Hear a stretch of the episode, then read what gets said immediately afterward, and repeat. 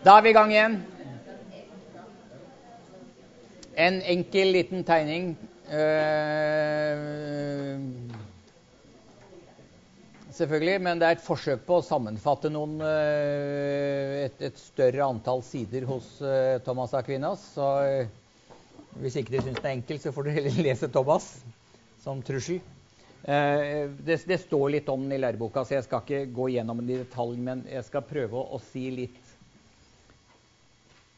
det Thomas får til ved å kunne få kombinert en naturlig lov med tankene om åpenbaring, Bibel, Kristus osv., det er å si at ja, menneskelivet har et mål. Han er aristoteliker. Vi lever mot et mål. Men livet har både et naturlig mål og et overnaturlig mål. Det er et mål så å si innenfor denne verden, og så er det et eschatologisk, eller den ytterste eh, dagmål, om du vil. Så, og så deler han, og så vi, kan vi begynne her nede. Det er en menneskelig lov. Og det er, eh, det en lov i Norge og en lov i Sverige og eh, en lov i Teben. Og det som er lov i, i Norge, er kanskje ikke lov i Saudi-Arabia og vice versa. Altså, det er forskjellige lover rundt om i verden, og de har vi vedtatt. Det er menneskelige lover. Og de må vi rette oss etter i de landene vi er. Det er eh, dødsstraff i USA, og det er ikke dødsstraff i Norge. Sånn er det.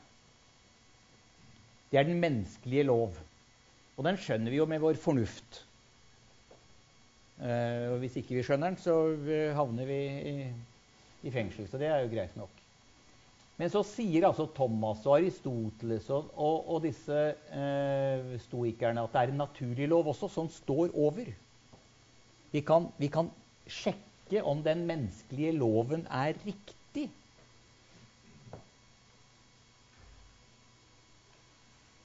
Ved å henvise til en naturlig lov. Og Det er den naturlige lovs tenkningen som kan prøves på. Som en menneskelige lov kan prøves på. Og det, det, gjør vi jo i dag ved en moderne utgave av den naturlige lov ved å si menneskerettigheter. Vi sier det er ålreit, dere må gjerne vedta det, enten det nå er i Norge eller i Saudi-Arabia eller i USA.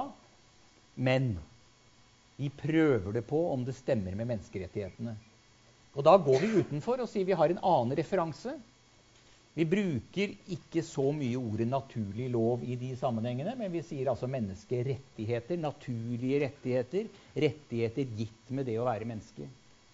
Og Det er, det er denne forestillingen som gjør at vi kan prøve. Det er det Antigone også gjør. Hun sier det er en rett å bli begravd. Enten dere nå uh, tillater det eller ikke her i Teben, så, så er det en rett å bli, menneskerett å bli begravet. Så jeg begraver min bror. Så langt så er vi innenfor et ganske eh, eh, Hva skal vi si eh, eh moderne konsept. Eh, som ikke er eh, Som vi kjenner igjen. Aristoteles har selvfølgelig forestillingen om at denne loven stammer fra Gud. Det sier vi ikke nødvendigvis. Altså Menneskerettighetene kan man holde fast ved, enten man tror på Gud eller ikke, eller eh, hvilken gud man nå engang har. Det spiller ikke så stor rolle. Thomas gjør selvfølgelig det. Han tror på Gud og sier det er en lov som Gud har gitt overalt i universet. Og Her kommer det en forskjell inn i bruken av lovbegrepet mellom oss og nei, Thomas. Fordi vi skiller skarpt mellom juridiske lover og naturlover. Juridiske lover studerer man på Det juridiske fakultet, og naturlovene studerer man på matenatt.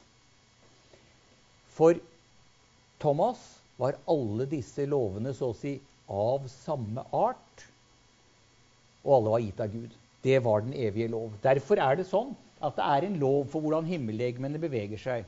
Hvordan eh, løver skal være løver, og sjiraffer være sjiraffer.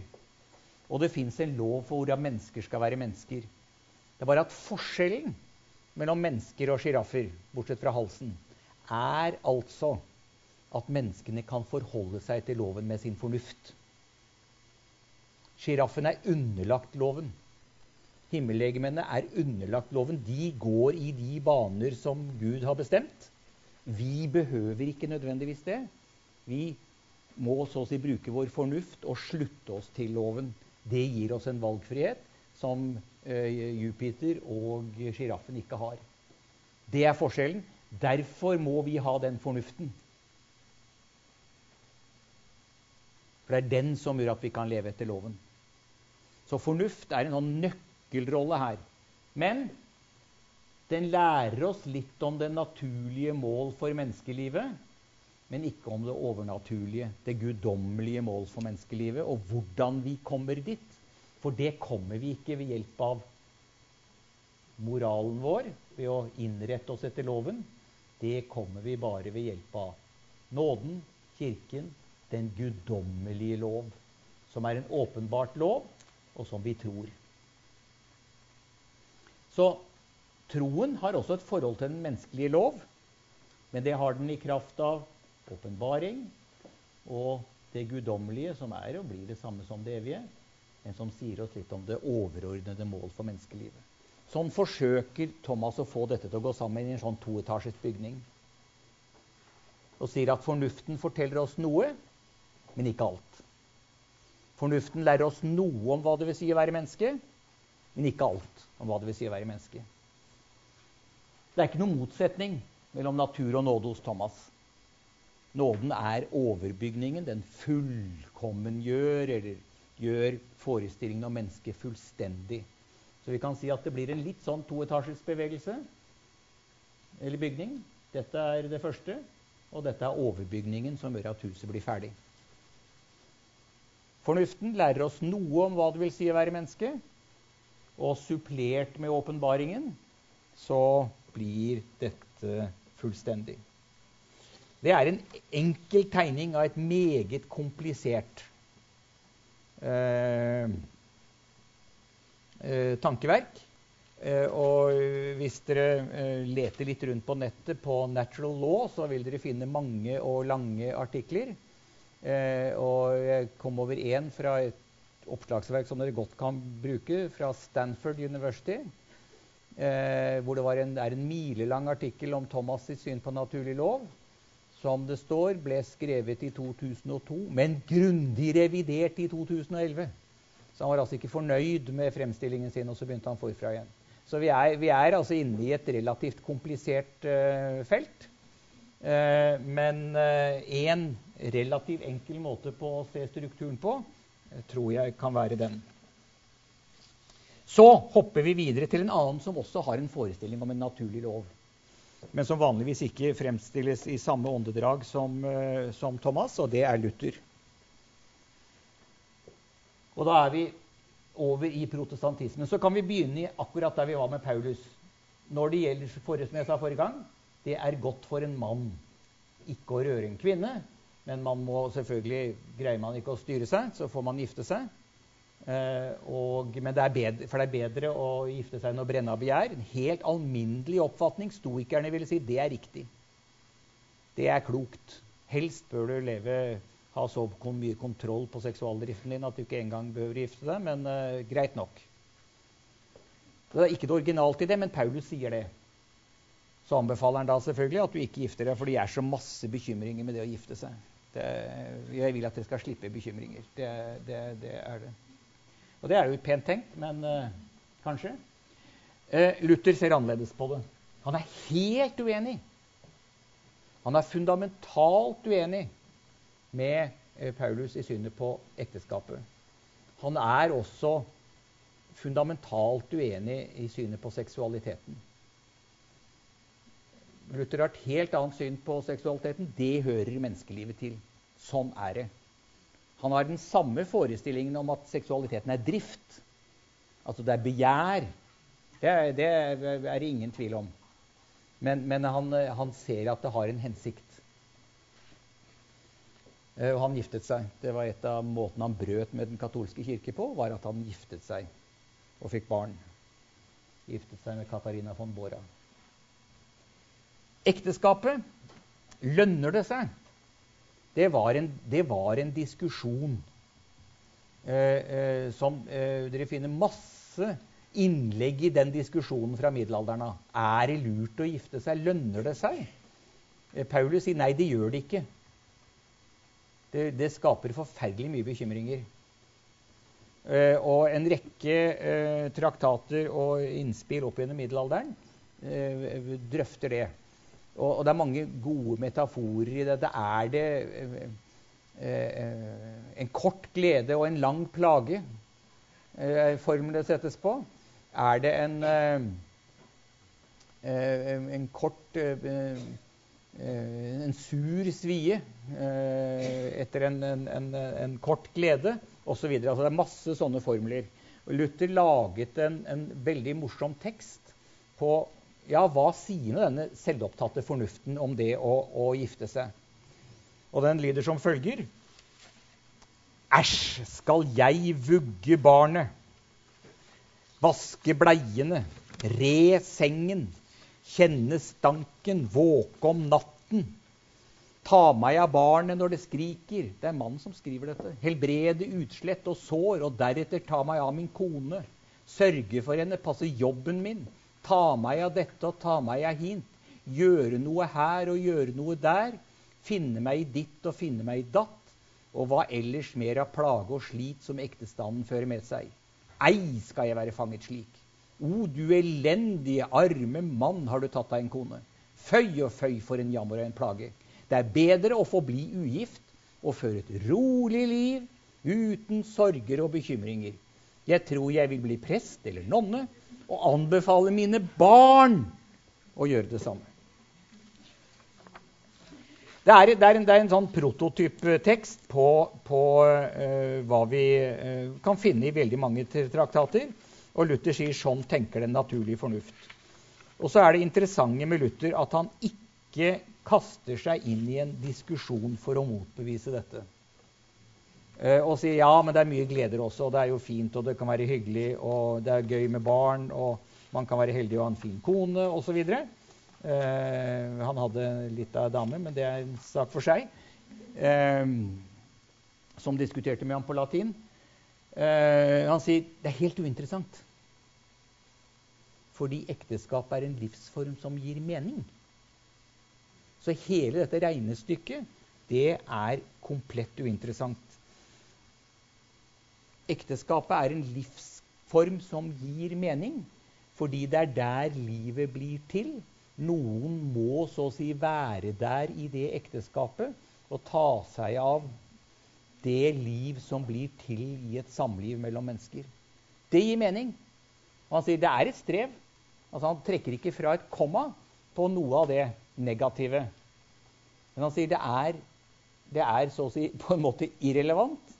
Og den kristne sier han, ser at det gir mening.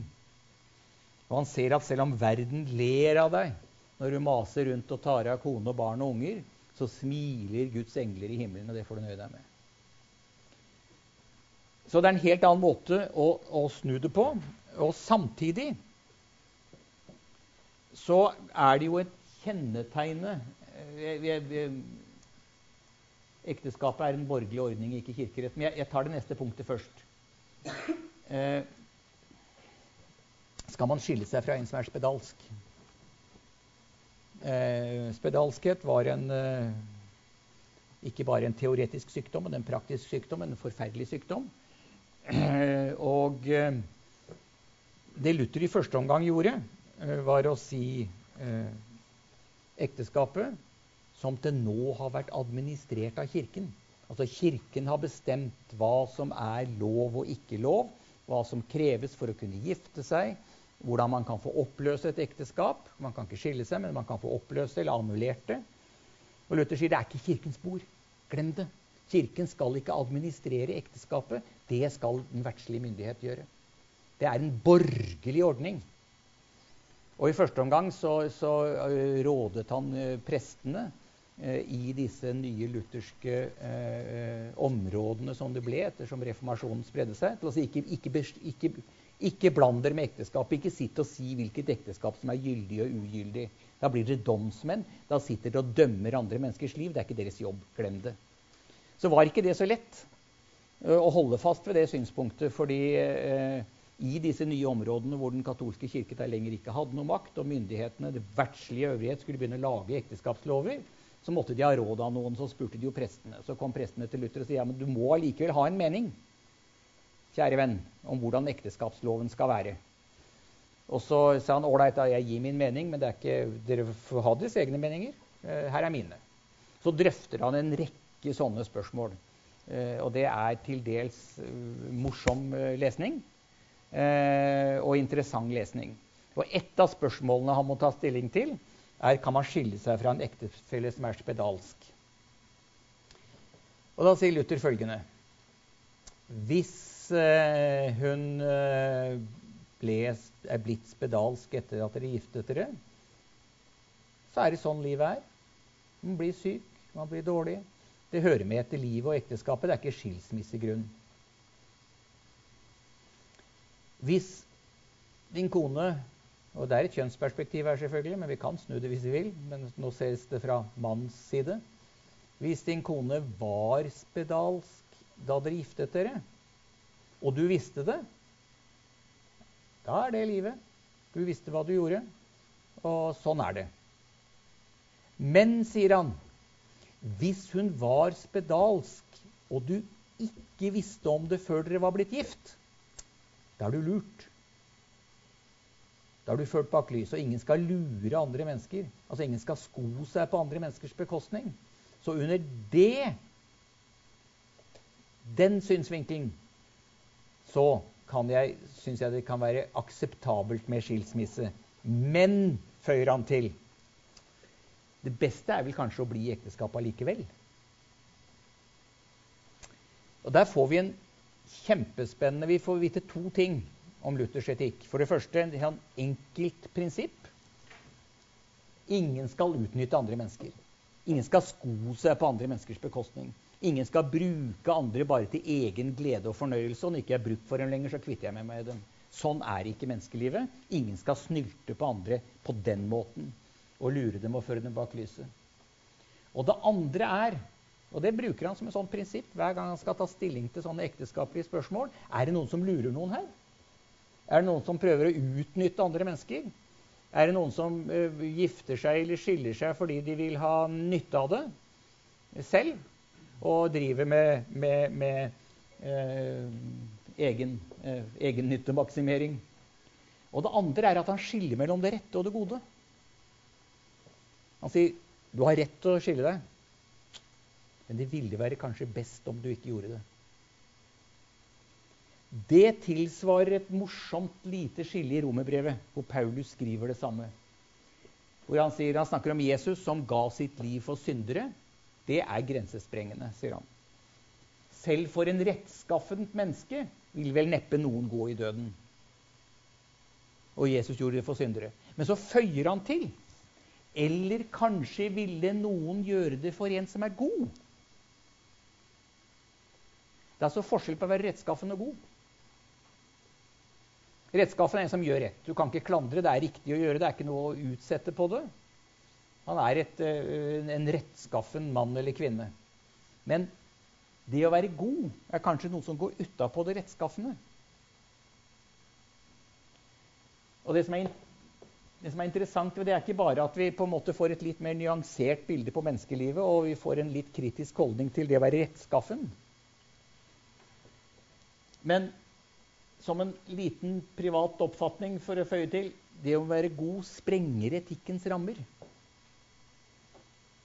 På én måte så er etikk noe vi kan Det er de reglene vi har for å leve sammen. Altså Vi finner ut måter å leve på som at vi kan eh, være enige om det og trekke hverandre til ansvar og si du, vi er enige om at ikke du skal lyve, og nå har du gjort det. Og hvis du holder deg til sannheten og er til å stole på, så er du en rettskaffen og ordentlig mann, og det er fint. Men du er ikke nødvendigvis god. Men kanskje kan jeg ikke kreve av deg at du skal være god. Kanskje kan jeg bare kreve at du skal være rettskaffen. Kanskje har etikken sin begrensning ved at jeg kan kreve rettskaffenhet, men ikke godhet. Jeg har et, eh, synes jeg, et, et, et, et, godt eksempel på denne problemstillingen knyttet til en, eh, en katolsk prest som eh, har fått mye omtale. Eh, under annen verdenskrig var han eh, i konsentrasjonsleir. Han het Kolbe. Han var fengslet i denne leiren. Så var det noen i denne leiren som, som flyktet. Og kommandanten ville da straffe de gjenværende som en sånn advarsel mot at ingen flere skulle flykte. Så han plukket ut ti stykker som skulle dø. Helt vilkårlig.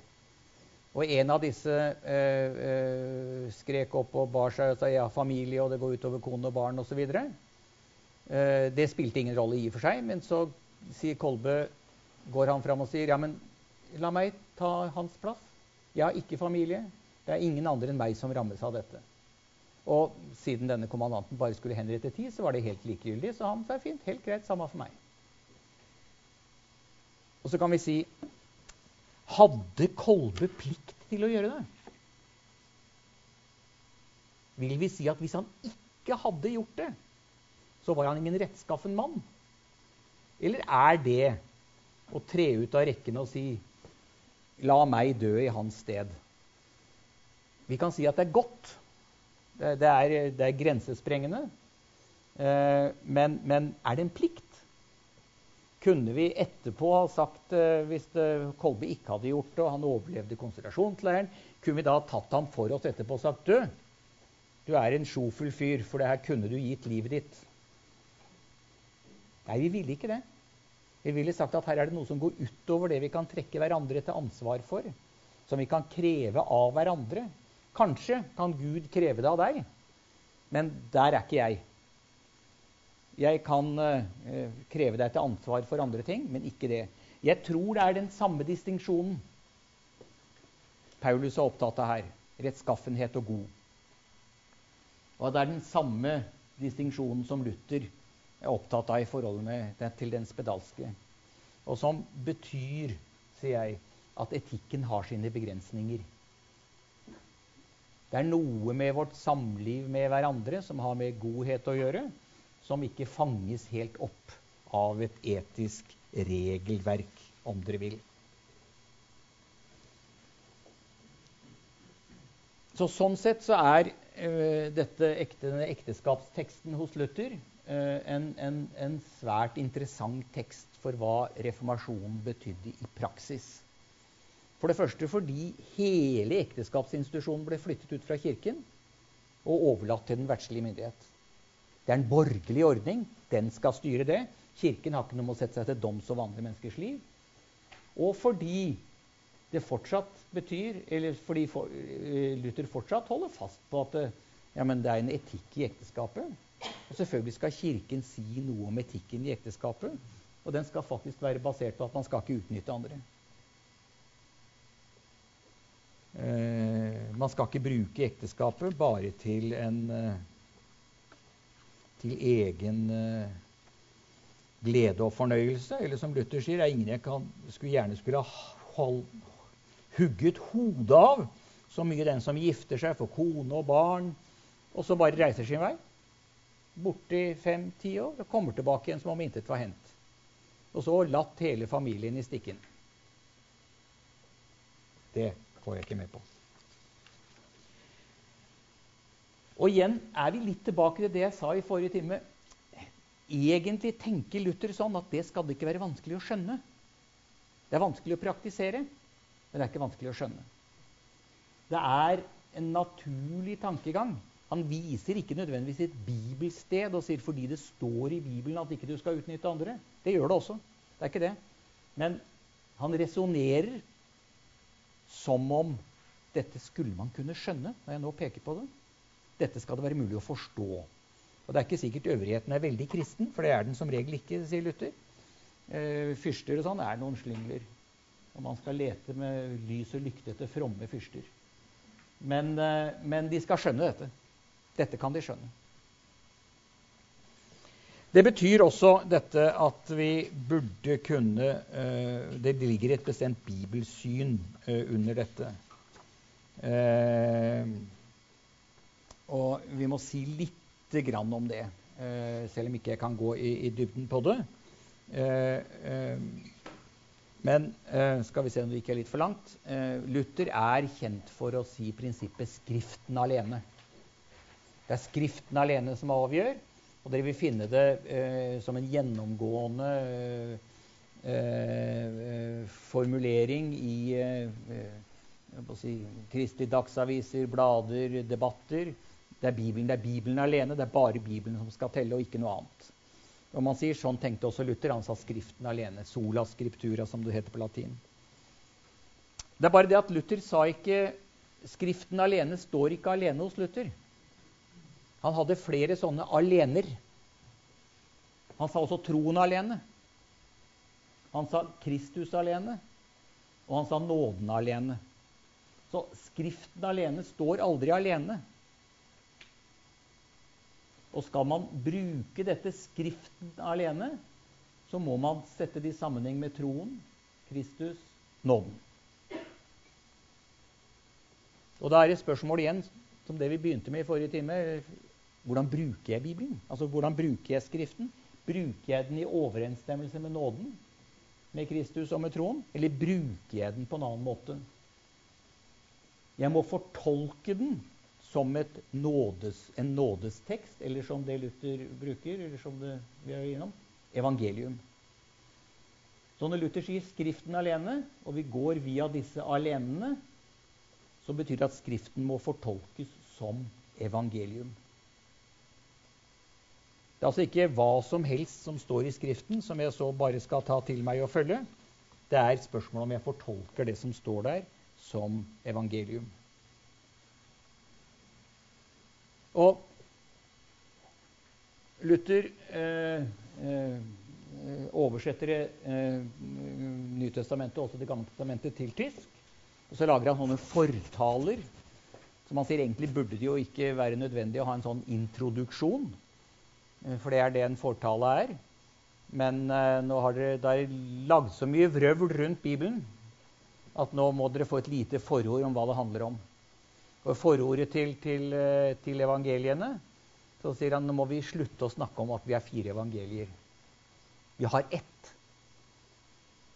For evangeliet er et gresk ord og betyr et godt budskap, en god meddelelse, god nyhet, god kunnkjøring som han synger om, forteller og gleder seg over. Om en rett David som har kjempet med synden, døden og djevelen og overvunnet dem. Dermed har han forløst, rettferdiggjort, levendegjort, frelst, stiftet fred, brakt tilbake til Gud alle de som var fanget i synder, plaget av døden, overveldet av djevelen. Det har han gjort uten deres fortjeneste, hvilket de jubler over, takker Gud, lovpriser og fryder seg i all evighet. Det er evangelium. Sånn skal Bibelen leses. Det er det det handler om. Dette budskapet er det evangeliet som Det nye testamentet forteller om. Og Det betyr at Luther skiller mellom lov og evangelium.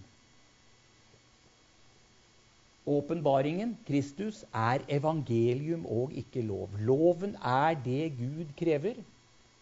Evangeliet er det Gud gir. Evangeliet er det glade budskap om at Gud befrir.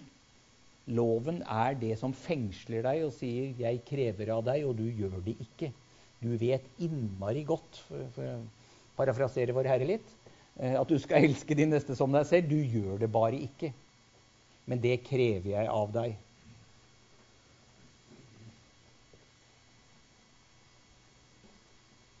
Derfor sier også Luther helt eksplisitt Se derfor til at du ikke lager en Moses av Kristus eller en lov- og lærebok av evangeliet, som det hittil har skjedd. Altså Loven ble gitt på Sinai og via Moses. Men Kristus kommer ikke med en ny lov. Ikke gjør Kristus eller en ny Moses. Og ikke gjør evangeliet til en lærebok i moral. Da leser dere den feil. Da har dere ikke fått med dere poenget hvis dere tror at Det nye testamentet er, og evangeliene er lærebøker i moral. For det er det ikke. Og dette fører for Luther til en bibelkritikk. For han sier Deri stimmer alle rettskaffende og hellige bøker overens, at de alle sammen preker og forkynner Kristus. Det er også den rette prøvesten å kritisere alle bøker etter når man ser om de forkynner Kristus eller ikke. Det er et kriterium. så Når jeg leser Bibelen, så spør jeg etter dette. Og forkynner i Kristus? Forkynner i evangeliet? Og så sier han, Nei, det syns jeg ikke hebreerbrevet gjør. Jakobsbrevet gjør det i hvert fall ikke. Det er bare lov. En veldig ålreit lov, sier Luther. Mye riktig og fint i, Jakobs brev. Det, er, eh, det treffer jeg virkelig midt i hjerterota som krav. Men det er ikke noe evangelium. Judas brev er heller ikke det, og Johannes' åpenbaring er heller ikke det. Så de er ikke blant de rettskaffende hellige bøkene, for der er ikke noe evangelium. Det eh, er en meget kontant bibelkritikk som ikke sier da at alt skal til slutt utlegges som om det var evangelium, om det det, eh, selv om det ikke er det. Men det er noen bøker som jeg rett og slett ikke finner noe evangelium i. Og det må jeg markeres. I eh, de bibeloversettelsene som etter hvert kom på, etter reformasjonen på 1500- og 1600-tallet, så ble disse fire bøkene stilt til slutt. For de var ikke like hellige som de andre. Og av evangeliene likte Luther dessuten Johannes evangeliet aller best. Det var det beste, syns han. Men disse, og Jeg kom over en gammel bibel fra 1500-tallet på en, en, gård jeg besøkte. Og Der så jeg at han som hadde hatt den, han hadde rett og slett skåret ut og kvitta seg med de fire siste. Han hadde lagd sin egen kontante bibelkritikk. Du så det var skåret. Så stoppa det. De, var, de fire var tatt ut. De var ikke av de rette hellige og skulle ikke stå mellom disse hellige permer. Smak. Det gjorde ikke Luther, for han sa vi kan jo fortolke det en gang, se om vi kan komme på en annen fortolkning. Så jeg vil ikke stoppe fortolkningen av det. Men altså, jeg ser ikke noe evangelium her. Evangeliet kommer altså fra Jesus. Derfor er Det nye testamentet interessant for oss, fordi det forteller om evangeliet. Hvor kommer da loven fra? For loven er det Gud krever. Og der har Luther en oppfatning det møter overalt. I den skapte verden møter vi loven. I Bibelen selvfølgelig møter vi også loven i Bibelen. Og i den måten verden er innrettet på. Vi er skrudd sammen sånn at vi, vi, vi, vi og livet er skrudd sammen sånn at det er lov og lover overalt. Og Gud bruker loven til å kreve, presse gode gjerninger ut av oss. Det er ikke alltid at vi har lyst til å oppføre oss ordentlig. Men, men, vi gjør det allikevel noen ganger fordi vi er redd for å få straff. Noen ganger fordi vi vil bli likt. Noen ganger fordi det lønner seg. Eh, så, så, sånn sett så, så presses vi. Eh, så også står i Nytestamentet selv onde mennesker gjør gode gjerninger. Det er loven som er på jakt etter oss og presser oss, presser og knar gode gjerninger ut av oss. Lykkes ikke alltid, men, men loven møter vi altså i disse sammenhengene. Og vi møter den i Bibelen, og vi møter den i hvor fornuftig Vi vet noenlunde hvordan vi skal behandle andre mennesker hvis vi bare tenker oss om. Dette å presse gode gjerninger ut av oss, det er det Luther kaller for lovens første bruk, den borgerlige bruk. Den skal være i samfunnet. Eh, vi kan skjønne den, og vi kan rette oss stort sett etter den, fordi den skal gjøre at vi oppfører oss i alle fall noenlunde anstendig. Noenlunde ordentlig i forhold til hverandre. Og det kan vi, sier Luther. Vi kan oppføre oss ordentlig. Eh, noen vil ikke. De får myndighetene ta seg av øvrigheten får ta og holde de ørene med sverdet. Men, eh, mens vi andre vi må kunne greie dette. Men loven bruker også til å vise oss for synd. Det er den kaller lovens andre bruk. Det er at når jeg konfronteres med de kravene, så, eh, og særlig når vi får de satt på formel f.eks. I en, en, bibelsk sammenheng, så, så hender det vel at vi får dårlig samvittighet. Vi innser at vi kanskje ikke lever opp til kravene. Altså Vi skjønner hva vi skal gjøre, men vi gjør det bare ikke. Vi hører fortellingen om den barmhjertige samaritan, og så skjønner vi, eller tenker vi at det er en del mennesker vi har passert i livet, som også i overført betydning kanskje har vært eh, slått over ende og robba, men vi er gått videre. Det rammer oss litt. Vi får dårlig samvittighet. Det er lovens andre bruk, sier Luther. Og det gjør det, det, gjør Gud i det allmenne. Altså Det er ikke det at du er nødt til å lese det i Bibelen eller noe annet sted. Det, det er som Paulus sier, eh, også hedningene anklager og kritiserer hverandre i sitt i, i, i sin samvittighet. Så samvittighet er ikke nødvendigvis et, et, et spesifikt kristent fenomen. Det er et allment fenomen. Vi kan appellere til folks samvittighet.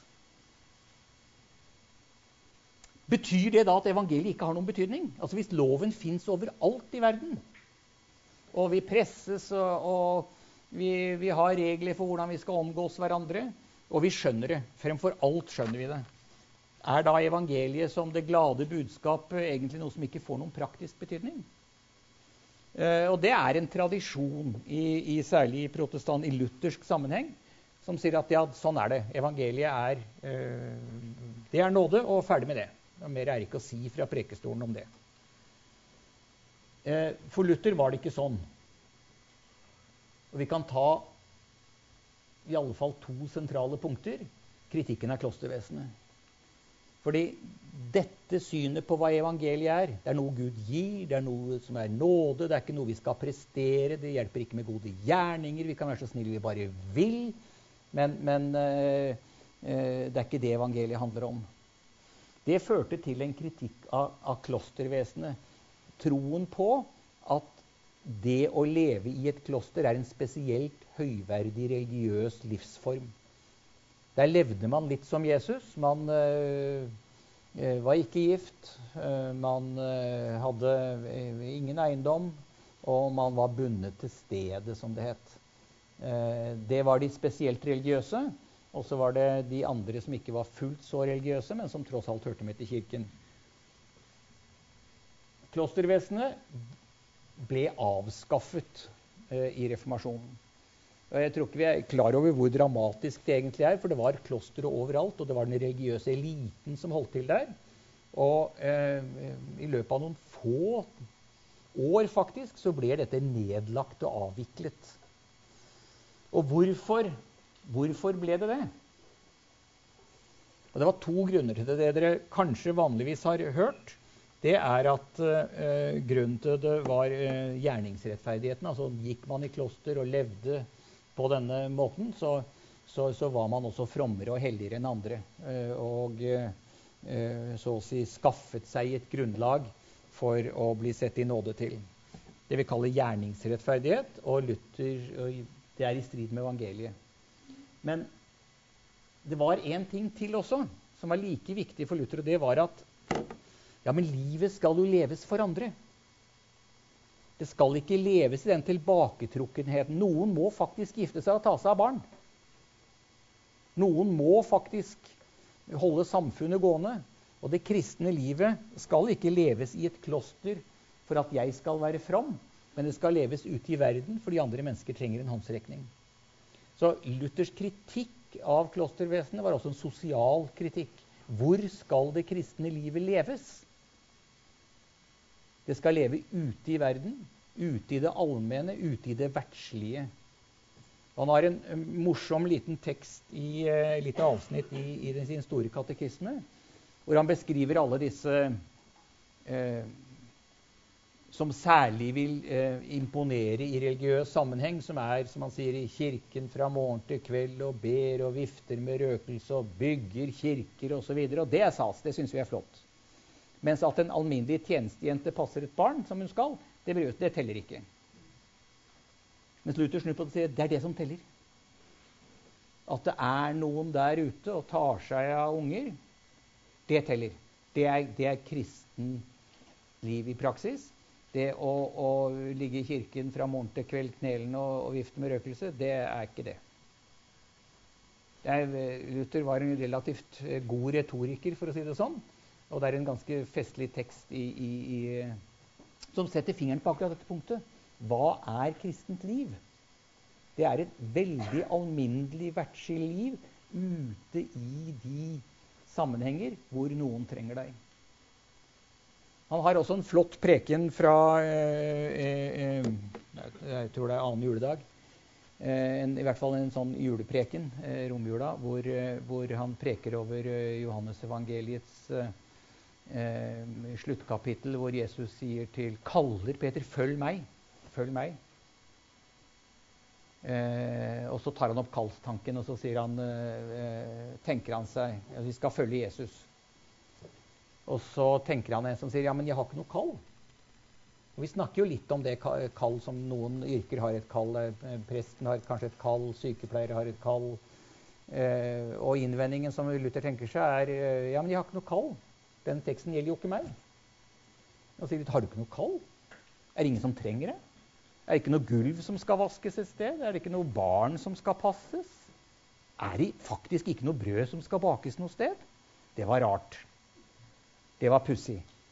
Alle har et kall. Alle har et eller annet sted hvor noen trenger dem. Hvor det må gjøres noe, hvor du må være til stede i denne situasjonen fordi noen trenger at du er der og gjør noe. Noen må vaske det gulvet. Alle har et kall. Kallet er en helt verdslig, alminnelig sammenheng.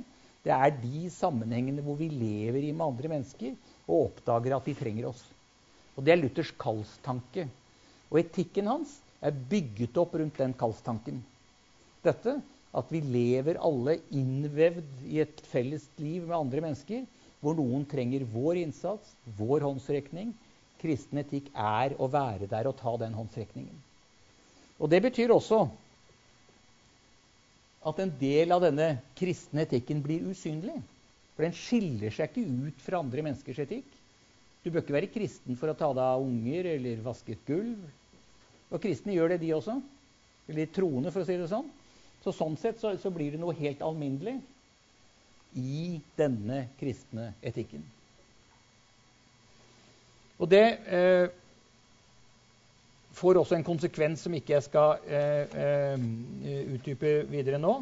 Men når Luther lager sin katekisme, som også er, er eh, en sånn håndbok for prester Hvordan skal de nå store katekismen? Preke dette, nye, dette nye evangelium. Så starter han med de ti bud.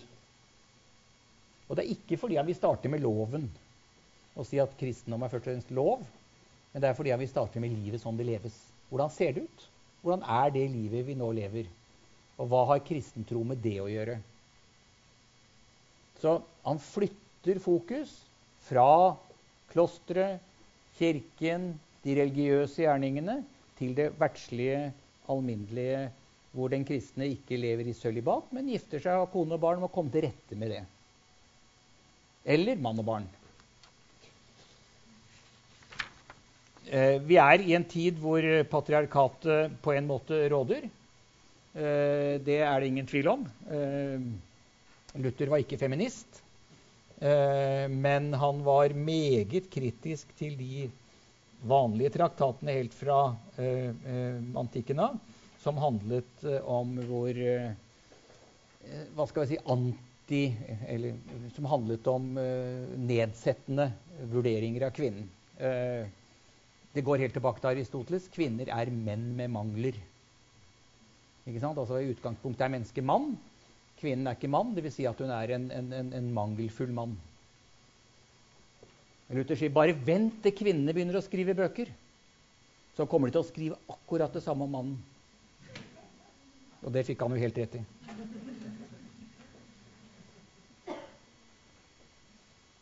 Dette ligger i Luthers skapelsestanke, eh, som dere, dere, finner i Store katekismen, som også er gjengitt i læreboka. og Jeg leser ikke opp eh, det nå.